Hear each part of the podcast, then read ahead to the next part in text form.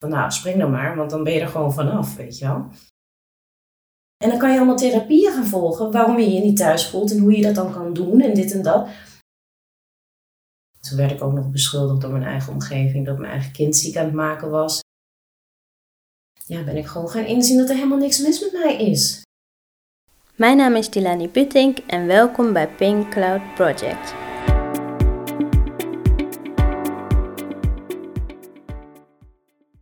Welkom Marcia. Zou jij jezelf eens willen voorstellen? Ja, nou ik ben dus uh, Marcia Engel. Ik ben de oprichter van Plan Angel. En ik heb uh, Plan Angel 14 jaar geleden opgericht. Hoe kwam je er eigenlijk bij?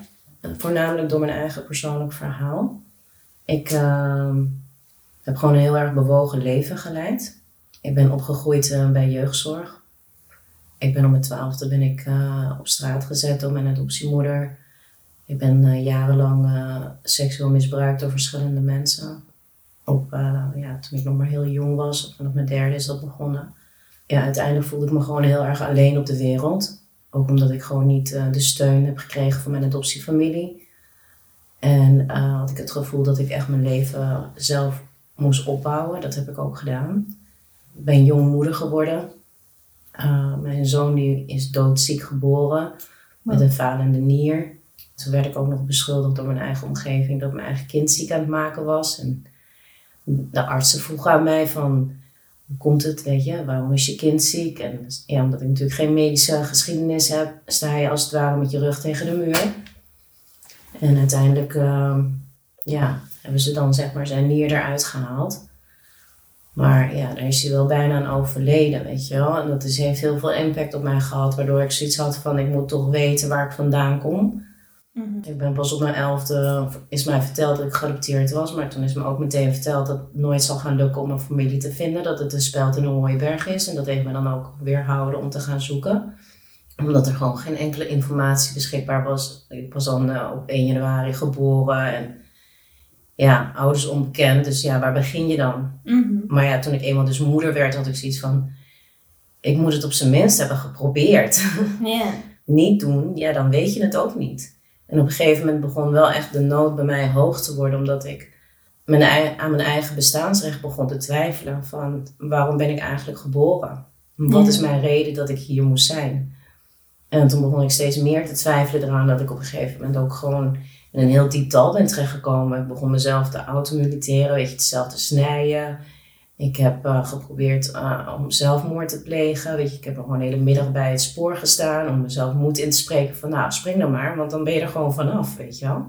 Ja, op een of andere manier maakt het me altijd nog steeds emotioneel, weet je wel. Maar omdat het ook gewoon het gevoel is van ja, ik heb bijna mijn kinderen hetzelfde aangedaan. Weet je? Mm. Dat heeft me ook weerhouden van uh, het niet te doen. Kijk, ik heb als kind heb ik ongevraagd heel veel trauma's meegekregen door mijn eigen adoptie maar ook gewoon het leven wat ik daarna geleefd heb. Dus ja, indirect ging ik dat bijna bij mijn kinderen ook doen. Weet je? Toen dacht ik mhm. van ja, dan moet ik gewoon niet willen. Dan maar gewoon voor de rest van mijn leven ongelukkig zijn. En dan voor de rest van mijn leven aan de dood denken. En, en hopen dat ik op een dag dood ben. Maar het niet zelf doen. En dat was voor mij wel zeg maar een startpunt om aan mezelf te werken. Dus dat was in 2004. Ja, en toen ben ik echt heel veel therapieën gaan volgen. En toen ben ik toch ook weer... Ja, ik was toen al acht jaar of zoiets ben ik gaan zoeken naar mijn familie. En uiteindelijk heeft het ook, was het ook voor mij een, een, een kwestie van ehm, dood of leven, weet je wel. Dus ik heb toen in, in een paniekaanval heb ik allemaal instanties gebeld van je moet mij helpen. Ik wil weten wie ik ben. En als ik niet weet bij wie ik hoor, wat doe ik dan nog hier, weet je wel. En toen had ik uh, zeg maar het weeshuis gebeld en die hebben mij nooit uh, een reactie gegeven op mijn brieven of mijn e-mails. Maar dit keer nam er dus een vrouw op en die sprak Engels, want ik was natuurlijk ook de taal gewoon kwijt. Oh, ja. Dus um, en toen heb ik die vrouw gewoon door de telefoon ingetrokken. En gezegd van, jij moet mij helpen. Ik leg mijn leven in jouw handen. Nou, toen heeft ze natuurlijk wel medelijden gehad, weet je wel. Mhm. En zij heeft me toen doorverwezen naar iemand die dus zoekt voor geld. Nou, ik zat op dat moment in een hele onstabiele situatie. Ik uh, zat in een uitkering. Ik kwam eigenlijk mijn huis niet meer uit. Ik had niet echt een sociaal leven. Mm ik vond het gewoon heel moeilijk om met mensen te communiceren. Ik vond het moeilijk om met mensen om te gaan. En, maar ik heb een hele goede vriendin en dat is nog steeds mijn beste vriendin. En die, heeft, die kent me al vanaf dat ik 17 ben. En die, die heeft mij gewoon in allerlei verschillende fases van mijn leven gezien. En die zei tegen mij van hier is het geld. Dan ga je familie zoeken. Ja, dus toen heb ik die onbekende vrouw 1000 euro betaald. Niet wetende of ze me zou gaan oplichten. En toen heeft zij binnen vier maanden mijn moeder gevonden. Dus ik ben van geen enkele informatie, niet weten wanneer je geboren bent, niet weten wie je familie is, ben ik opeens naar een dossier gegaan waar mijn moeders naam in stond, waar ze zeg maar naar het weeshuis was gegaan om haar gegevens achter te laten. En um, zat ik ineens, na, over, ja, na vier maanden zat ik ineens tegenover de webcam naar mijn moeder te kijken. Het was echt onwerkelijk. Herkende je jezelf ook in haar? Nee, in eerste instantie was ik een beetje teleurgesteld. Dat ik echt dacht van, oh, is dat mijn moeder? echt heel erg oppervlakkig hoor, om zo te praten over je moeder. Maar om heel eerlijk te zijn, ja, ik, ik dacht gewoon van, ze ziet er gewoon, ik, ik ben op zoek naar mezelf. En toen zag ik haar en toen, ja, er was zo'n groot contrast tussen mij en haar. Weet je wel, ze, was, ze is gewoon heel erg arm en ook gewoon minder verzorgd. En waardoor ik daar meer naar zat te kijken als van, oké, kijk even door die bril heen. Weet je, want ze had dan mhm. zo'n bril op met van die pleisters die dat dan bij elkaar hield. Zoals dat van die oh, hele dikke wenkbrauwen, weet je. Dat ik echt dacht van, moet dat nou mijn moeder zijn? Maar ja, uiteindelijk, ja, nu uh, zoveel jaar later, ja, we zijn gewoon elkaars evenbeeld. Ik bedoel, als ik haar een beetje opmaak en optut, dan uh, lijken we gewoon zusjes. Weet je, en niet alleen oh, maar qua uiterlijk, maar ook gewoon innerlijk. Weet je, mensen vinden mij soms heel erg intens. Nou ja, dan mhm. zeg ik altijd van, uh, nou, uh, dan moet je mijn moeder leren kennen. Dan, uh, dan weet je wat intens is. Zij heeft het woord uitgevonden, weet je wel. Dus ja, op heel veel opzichten lijken we gewoon. We hebben dezelfde lach, we zijn even lang, dezelfde maat schoenen. We hebben gewoon heel veel identiek van elkaar, ja. Bij die zoektocht wat je deed, ging die vrouw jij dan ook nog helpen? Nee, we zijn als echt zo van, nou, dit is je vader, dit is je moeder en have a nice life. Weet je, zo'n ah, idee. Er zat geen enkele begeleiding bij. Nee. Um, ik, en het was ook in een periode dat je volgens mij nog, nog niet eens Facebook had, weet je wel. Dus ja, is, en ook geen Google Translate had je nog niet, weet je wel. Oh, je had nog geen smartphones. Dus ja, ik zat echt met mijn woordenboekjes, zat ik in Colombia proberen een beetje wijs te maken wat ik, uh, wat ik wilde zeggen. Want ja, ook die eerste reis heeft mijn vriendin ook tegen mij gezegd van zoek een vriendin uit en ga naar je familie toe. Mhm. Dus ik heb op haar kosten ben ik dus zeg maar naar Colombia gegaan voor drie weken. En dan heb ik gewoon mijn familie kunnen ontmoeten. Dus ja, dat is ook zeg maar tevens weet je, het startpunt geweest van plan Angel. Want in feite heeft ze gewoon mijn leven gered. Want als ik niet op dat moment mijn moeder had gevonden, dan had ik hier niet het verhaal kunnen vertellen. Dat, daar ben ik gewoon van overtuigd. Ja, dan had het echt gewoon zo moeten zijn. Ja, en dat wens ik gewoon heel veel geadopteerden. Want ik weet hoe schadelijk het kan zijn als je niet weet waar je vandaan komt. Ik weet hoe schadelijk het is dat je gewoon een bepaalde fundering in je leven mist. En als jij zeg maar je fundering gefabriceerd is, weet je, dan, dan zit je in een soort van drijfzand of zo, weet je. Ja. Je kan dan ook niet echt naar voren kijken. Tenminste, in mijn geval, als iemand me zou vragen waar zie jij jezelf in vijf jaar? Dan zou ik zeggen, um, ik probeer de dag door, te komen. Mhm. Laat me gewoon eerst deze dag doorkomen en dan zie ik wel wat er morgen gebeurt, weet je ja. En nog een klein stapje terug weer, want je vertelde dat je jonge moeder was geworden. Je hoort tegenwoordig best wel vaak dat een kind een spiegel is van jezelf. Ja. Was dat voor jou ook, nee, herkende jij dingen in je kind wat je in, uh, het heeft, mij, het heeft heel veel getriggerd bij mij. Mhm. Ja, het heeft sowieso getriggerd dat ik, um, dat ik echt op zoek moest gaan. Omdat ik gewoon wilde weten wat er met mijn zoon aan de hand was. Ook omdat ik um, ja, valselijk beschuldigd ben dat, dat ik mijn eigen kind aan het ziek maken was. Was ook zoiets van, ik moet mijn familie vinden. Zodat zij me kunnen uitleggen wat er met mijn zoon aan de hand is. Toen ik dus ook mijn familie vond, ja, toen bleek dus ook dat mijn oudste broer, hebben ze ook de nier eruit gehaald. En uh, mijn jongste broer hebben ze ook de nier eruit gehaald. Dus het was gewoon een genetisch iets, weet je wel. En dan is het ook fijn om tegen al die mensen te zeggen van, uh, weet je nog wat je zei tegen mij, weet je wel. Mhm. Hier kon ik helemaal niks aan doen. Nee. En dan merk je dus echt weer hoe belangrijk het is om genetische dingen te weten. Ja. Je vertelde dus inderdaad dat je dan anderen dit ook gunt. Ja. Maar Plan Angel, hoe, lang bestaat dat weer? 14 jaar. 14 jaar en het is volgens mij echt een grote organisatie. In de adoptiewereld ook. Klopt. Mensen verkijken vaak over de, uh, om de omvang van onze organisatie. Ze denken vaak dat ik het ben, weet je, en mhm. dat er verder niks is. Maar er zit gewoon een heel team achter in Nederland, maar ook in Colombia. Vooral in Colombia hebben we natuurlijk door de jaren heen gewoon een heel groot netwerk kunnen opbouwen. En dat, dat is door middel van alle families die zich hebben aangemeld. De binnenlandse geadopteerden die zich daar hebben aangemeld als vrijwilliger.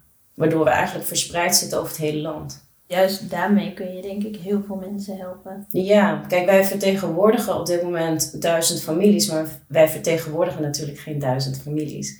Wij vertegenwoordigen ieder, zeg maar, die zich verbonden voelt ehm, aan de missie die wij hebben. Want ja, ik heb een keertje, is er een documentaire geweest over mijn persoonlijk verhaal in Colombia. En op dat moment hebben er 3 miljoen mensen achter de televisie gezeten. We hebben er naar gekeken. En tot op de dag van vandaag krijg ik daar nog steeds berichten over. Van, hé, hey, ik heb het uh, gezien en wat heftig. Of ik, ik ben ook zelf op zoek. Of weet je wel. Denk jij ook, omdat je net zei, je bent het gezicht in principe van Plan Angel natuurlijk ook de founder. Ja. Maar denk je dan ook na met hoe je dan ja, bijvoorbeeld online jezelf neerzet? Ja, zeker weten. Ik wil heel graag een, um, een inspiratie zijn voor anderen omdat ik gewoon weet dat het verhaal wat mij overkomen is, dat mijn moeder er niet voor gekozen heeft en dat zij gedwongen is om te tekenen voor mijn adoptie, dat dat geen uniek verhaal is. Ik weet dat het verhaal wat ik heb meegemaakt in Nederland, dat dat ook geen uniek verhaal is. Ik weet dat het verhaal van mijn moeder ook niet uniek is. Dus daarom ben ik op bepaalde vlakken heel erg open over mijn seksueel misbruik. Dat doe ik ook uh, voornamelijk om te laten zien van je bent niet alleen. Want ja, één op de vijf vrouwen heeft hiermee te maken. Dus als je dat gaat bekijken qua statistieken voor de geadopteerden, dan weet je ook dat het daar natuurlijk van alles is misgegaan. Ik heb, doordat ik mijn verhaal heb gedeeld, heel veel, met heel veel geadopteerden in contact gekomen die precies hetzelfde hebben meegemaakt. Misschien nog wel erger, dat je denkt van wauw, weet je, ik dacht dat mijn verhaal heftig is, weet je. Maar er zijn nog veel meer verhalen die nog schijnender eigenlijk uh, zijn. Dus dat is ook een van de redenen waarom ik heel erg open ben over mijn seksueel misbruik. Maar ook als je zeg maar misbruikt bent, dan um, sta je eigenlijk 24 uur op high alert, weet je wel? Mm Dus um, impulsiviteit bestaat eigenlijk niet. Je denkt heel goed na over wie je bent, hoe je overkomt, uh, wat je plaatst. Ik weet dat alles wat ik zeg maar deel in privéberichten of mails, dat het allemaal op een dag tegen mij gebruikt kan worden.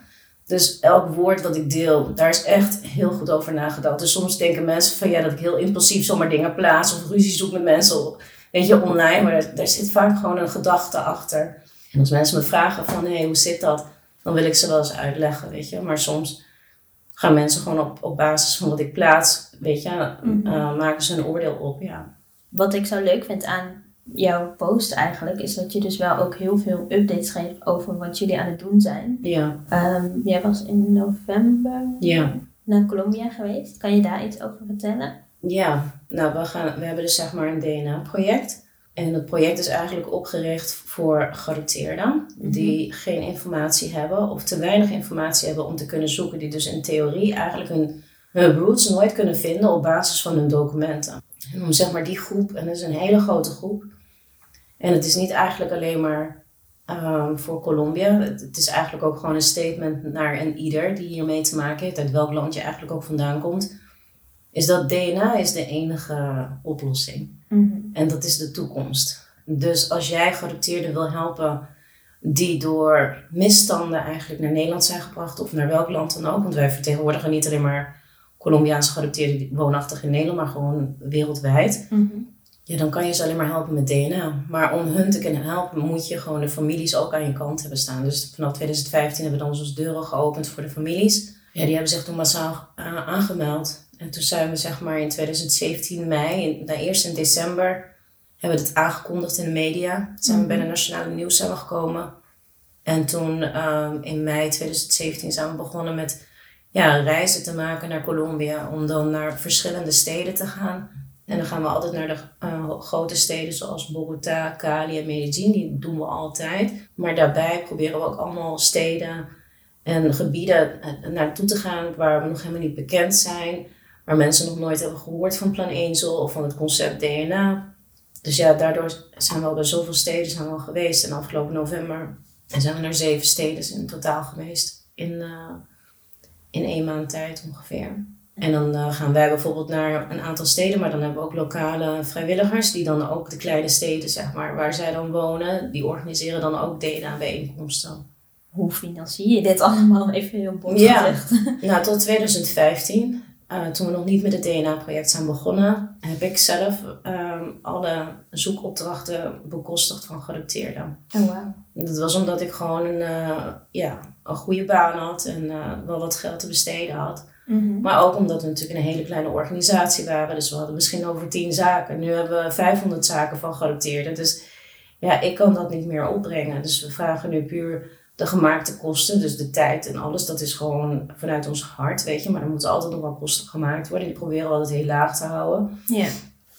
En um, ja, toen zijn we dus begonnen met het DNA-project. En hebben we een donatie kunnen vinden van 5000 euro.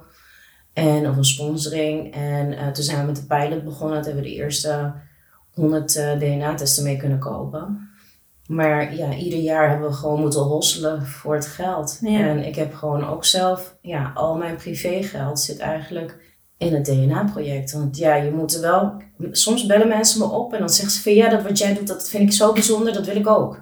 Dan zeg ik ja, maar besef wel wat het inhoudt. Mhm. Als jij niet bereid bent om elke euro van je eigen geld erin te willen steken, je eigen privé-tijd erin te willen steken, dan moet je er niet eens aan beginnen. Want het is niet iets wat je kleinschalig alleen maar kan doen.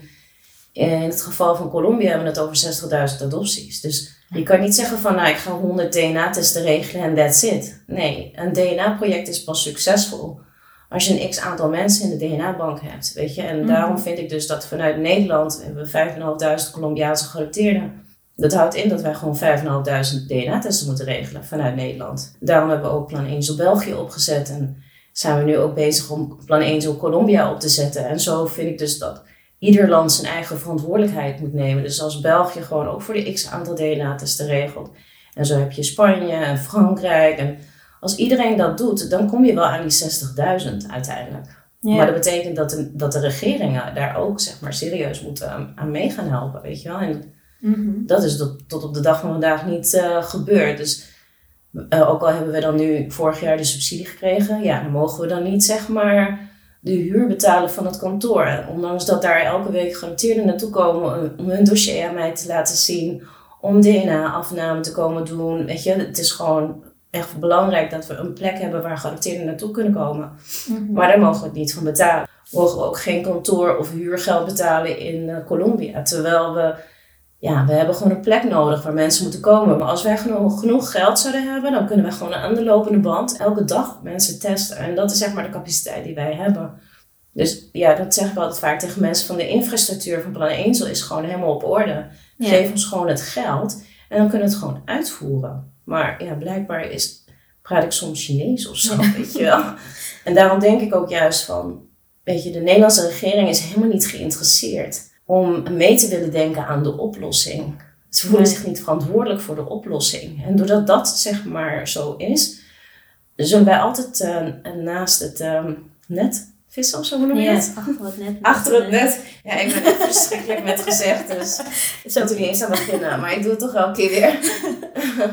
Als ik dan bijvoorbeeld zeg expertisecentrum, wat is dan daar jouw... Ik krijg daar uh, spontaan een allergische reactie van. En het lijkt net alsof wij ook de enige, een van de enigen zijn die daar een allergische reactie van krijgt. Want hoe in godsnaam kun je 34 miljoen willen uitgeven aan een centrum wat uiteindelijk niet effectief geadopteerden gaat helpen om van A naar B te komen? Want de geadopteerden moeten nog steeds voor hun zoekopdracht uh, betalen, weet je. Dus mhm. ze praten dan nu over meerjarige subsidie en dan vinden ze dus eigenlijk dat je onderdeel moet zijn, anders heb je daar geen recht op. Ik zeg van, nou, maar dat slaat nergens op, want wij zijn de enige organisatie in Nederland die zich inzet voor Colombiaanse geadopteerden als stichting. Mm dus als een Colombiaanse jou gaat bellen, het expertisecentrum gaat bellen en zeggen: Ik kom uit Colombia, kan je mij helpen? Dan ga je ze gewoon doorverwijzen. Je gaat mij niet zeggen: Sorry, maar die staat niet op de lijst van samenwerkende organisaties, dus die gaan me niet doorverwijzen. Ik zeg: Of jij het nou wil of niet, wij hebben een ongeschreven overeenkomst. Dus wij doen het werk gewoon. Dus natuurlijk horen wij gewoon dat geld te krijgen. Weet je, dus in 2017 hebben wij toen een motie ingediend mhm. dat er financiële vergoeding moet komen voor de belangenorganisaties. Dat waren er wel geteld vijf. toen op een gegeven moment is een discussie gestart van oké, weet je, oké, die motie is dan niet doorgegaan, maar de discussie is wel begonnen over het feit dat er financiële ondersteuning moet komen voor de belangenorganisaties, waarvan nu misschien wel twintig organisaties aanspraak hebben kunnen maken. Dus mhm. wij hebben zeg maar het voortouw genomen, wij ons, hebben ons daarvoor hard gemaakt, waardoor nu andere organisaties daar gebruik van kunnen maken of zelfs misbruik van kunnen maken, weet je. En dan wil je me zeggen dat wij geen recht hebben op die meerjarige subsidie? Nou, dat gaat mooi niet gebeuren. En toen zei ik, en toen zei ik van, en dan wat levert het mij op? En alles wat mij oplevert, levert de organisatie op. En alles wat de organisatie oplevert, levert de geadopteerde op. Dat is mhm. zeg maar de volgorde. Toen zei hij, ja, maar je krijgt er, uh, we, willen, we zijn bereid om je 2500 euro te geven. Ik zei van, oké, dus om het goed te begrijpen, ik was gewoon beledigd dat hij dat überhaupt durfde te zeggen tegen me. Wil jij 34 miljoen gaan uitgeven? En van die 34 miljoen wil jij mij 2,5 gaan geven? Ik weet niet wie jij voor je hebt hoor, maar dat is gewoon een belediging. Dat is een klap in mijn gezicht, want ik weet toevallig wel dat ik meer waard ben dan die 2500. Sterker nog, ik ben nog meer waard dan die 25.000 die jullie aan subsidie aan ons willen geven. Of dat destijds was het nog niet rond. Want ik zei tegen hem van als jij met een concreet plan wil komen waarbij geadopteerden van A naar B geholpen worden om hun families te zoeken. Ik bedoel, toegang geven tot de dossiers in Nederland, dat recht heeft iedereen. Mag ik hopen. wil, je me daar, uh, wil je daar die 34 miljoen voor uitgeven? Want als je goed gaat kijken van, maar wat houdt het nou precies in? Want het is ontstaan door het feit dat er misstanden hebben plaatsgevonden. En doordat die misstanden hebben plaatsgevonden, kunnen geadopteerden hun weg niet meer terugvinden.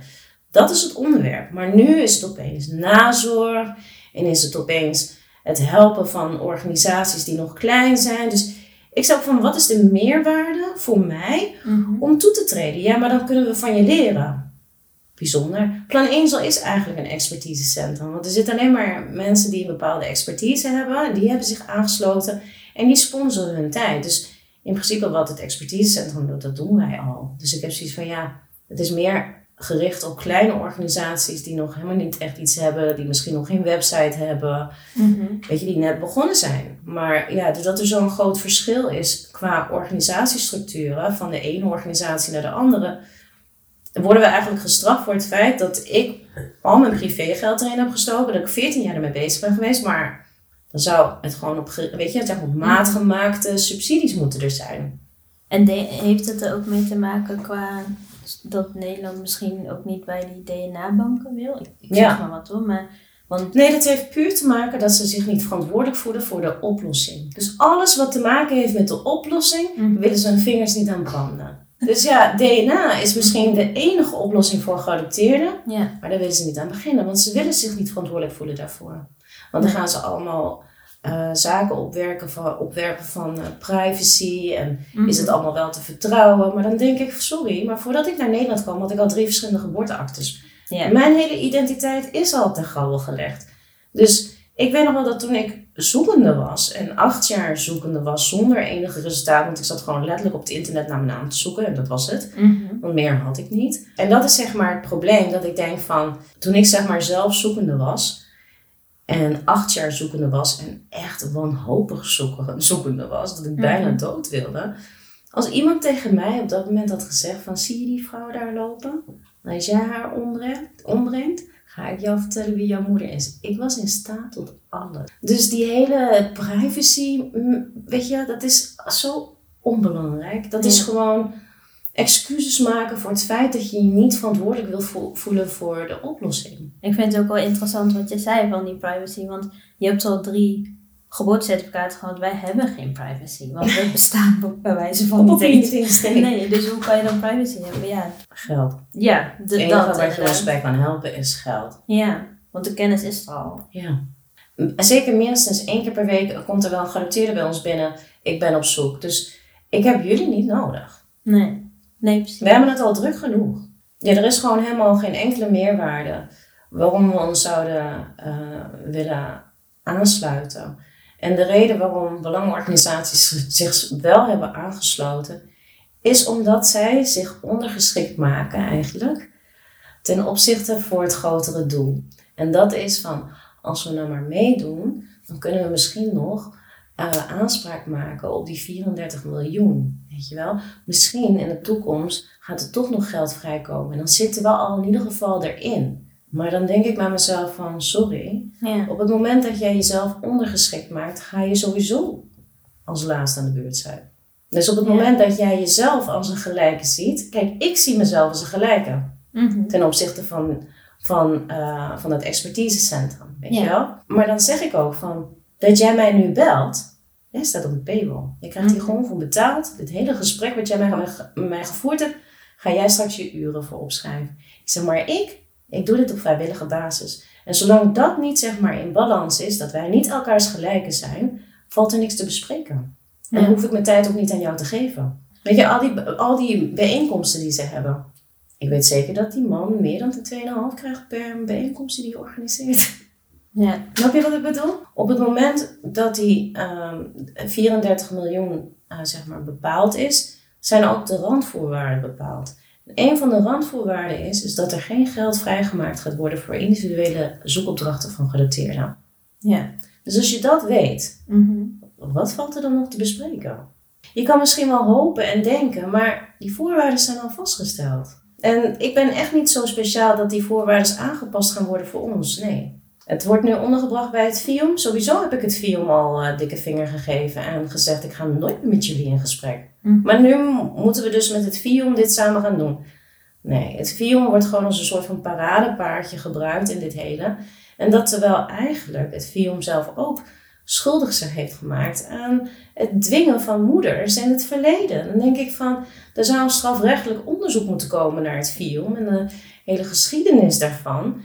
Maar dan ga je hun die positie geven, loopt gewoon niet. Sommige organisaties denken van, weet je, ik ga dat lijntje openlaten, want je weet maar nooit waar het goed voor is. Ja. Maar dan ben je eigenlijk je ziel aan het verkopen. Want je bent niet authentiek. Je staat niet zeg maar waar je voor staat. Weet je, bij ons is het van alles wat ik zeg is ook zo. Zo ga ik het ook doen. Het is niet van oh ik heb dat gezegd omdat ik dit of dat wilde bereiken. Toch ergens kan ik wel voorstellen dat je misschien denkt oh dan heb ik een soort van voet in de deur. Maar het is wel lijkt me ook wel weer een onwijze teleurstelling als je dan na zoveel jaar erachter komt dat je dus eigenlijk niks Dat was het begin. Zeg maar, toen ik begon in het adoptiewereldje stond ik er ook zo in. Precies hetzelfde op een gegeven moment is het gewoon een, een disillusie eigenlijk. Dat je waar je uit wakker wordt van de overheid wil jou helemaal niet helpen. De overheid vindt jou helemaal niet belangrijk genoeg. Ja, dat is natuurlijk geen uh, zaken. Ik zeg, dan kunnen we misschien onderhandelen. Ik zeg, maar dit is natuurlijk niet echt onderhandelen. Ik zeg, dit is keihard onderhandelen waar we het over hebben. Jij geeft mij wat en ik geef jou wat. En het is niet andersom. Ja.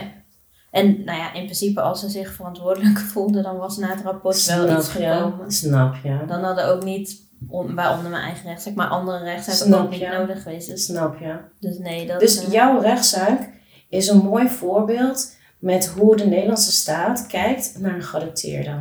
Niet. Snap je? Ja. Je hebt geen positie. Nee. Wat zou je willen zeggen tegen iemand die nog helemaal niks van adoptie weet? Ik denk dat het heel erg belangrijk is dat als jij zelf zoekende bent en je weet nog helemaal niks uh, over adoptie, dat het echt belangrijk is dat je je gaat inlezen. En als je je gaat inlezen, dan, dan ga je gewoon kennis krijgen. En dat komt niet zeg maar van het een op andere moment. Dat heeft gewoon tijd nodig. En het andere wat heel belangrijk is, dat als jij op onderzoek gaat naar het geadopteerd zijn of adopties in het algemeen, dan kom je er ook achter dat je eigenlijk niet de enige bent. Want dat heb ik heel lang gedacht, dat ik de enige was die misbruikt werd in hun adoptiefamilie. Dat ik de enige was die zo struggelde, zeg maar, weet je wel. En dan kom je er uiteindelijk achter, wat ook bij mij was, zeg maar toen ik naar Colombia ging, had ik een heel kapstok vol met allemaal adoptiegerelateerde zaken. Waar ik zeg maar, waar ik mee struggelde, dan gaf ik zeg maar de adoptie de schuld ervan, weet je wel. Mhm. Eh, maar als je eenmaal gaat zoeken en je vindt je familie, dan, wat bij mij vooral was, is dat toen ik haar, mijn moeder ontmoette, heb ik eigenlijk heel beschamend bijna alles van die adoptiekapstok af moeten halen. Want ik kwam erachter dat ik helemaal niet, dat het niks te maken, nou, het heeft er wel mee te maken, bepaalde opzichten wel, maar heel veel heeft gewoon ook cultureel te maken. Ik kwam er eigenlijk gewoon achter, ja, ik ben gewoon Colombiaans. En Colombianen zijn gewoon drama queens. Als ze blij zijn, dan gaan ze door het dak heen. En als ze boos zijn, dan gaan alle ramen eruit, weet je wel. Dus ze zijn heel erg intens. Colombiaanse moeders, en over het algemeen ook, want, want, dat is ook een misopvatting vaak als geadopteerden hun familie hebben gevonden. Dan denken ze van, maar waarom doet mijn moeder zo tegen mij? Mm. Het is gewoon algemeen bekend. Colombiaanse moeders zijn gewoon verschrikkelijk, zijn intens en ze zijn gewoon in your face, in your space de hele tijd, weet je wel?